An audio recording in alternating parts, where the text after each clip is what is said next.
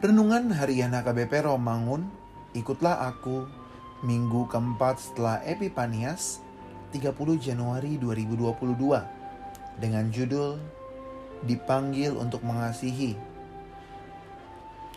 Kebenaran firman Tuhan yang menjadi ayat renungan kita hari ini tertulis dalam Yeremia 1 ayat 4 sampai 10 yang berbunyi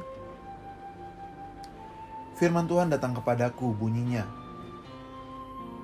Sebelum aku membentuk engkau dalam rahim ibumu, aku telah mengenal engkau, dan sebelum engkau keluar dari kandungan, aku telah menguduskan engkau. Aku telah menetapkan engkau menjadi nabi bagi bangsa-bangsa. Maka aku menjawab, "Ah, Tuhan Allah, sesungguhnya aku tidak pandai berbicara sebab aku ini masih muda." Tetapi Tuhan berfirman kepadaku, "Janganlah katakan aku ini masih muda." Tetapi kepada siapa pun engkau kuutus, haruslah engkau pergi dan apa pun yang kuperintahkan kepadamu, haruslah kau sampaikan. Janganlah takut kepada mereka, sebab aku menyertai engkau untuk melepaskan engkau. Demikianlah firman Tuhan. Lalu Tuhan mengulurkan tangannya dan menjamah mulutku. Tuhan berfirman kepadaku, Sesungguhnya aku menaruh perkataan-perkataanku ke dalam mulutmu. Ketahuilah, pada hari ini aku mengangkat engkau atas bangsa-bangsa dan atas kerajaan-kerajaan untuk mencabut dan merobohkan, untuk membinasakan dan meruntuhkan, untuk membangun dan menajam. Demikian firman Tuhan.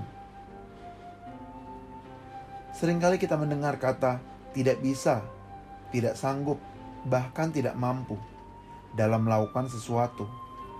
Bahkan dalam iman Kristen, Seringkali kita menolak tanggung jawab untuk melakukan sesuatu yang Allah inginkan. Bahkan kita sering menuntut banyak hal yakni kesehatan, kekuatan, berkat, dan lain sebagainya. Kemudian lupa mengucap syukur.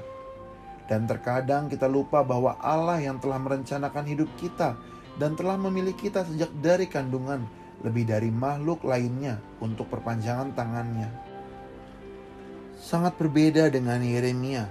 Allah telah mempersiapkan untuk menjadi nabi bagi bangsa-bangsa. Namun saat ia mendengar rencana Allah, serta merta ia menolak. Allah tidak menerima penolakan Yeremia.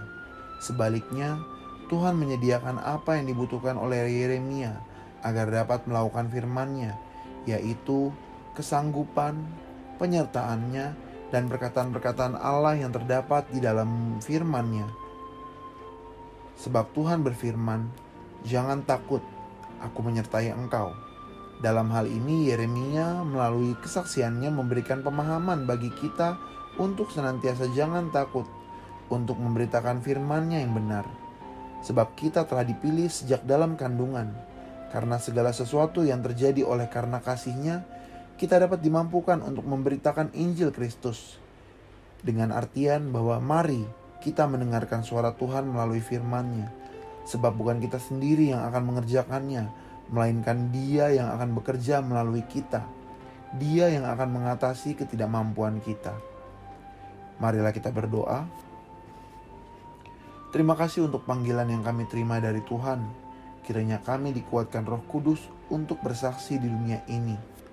Amin.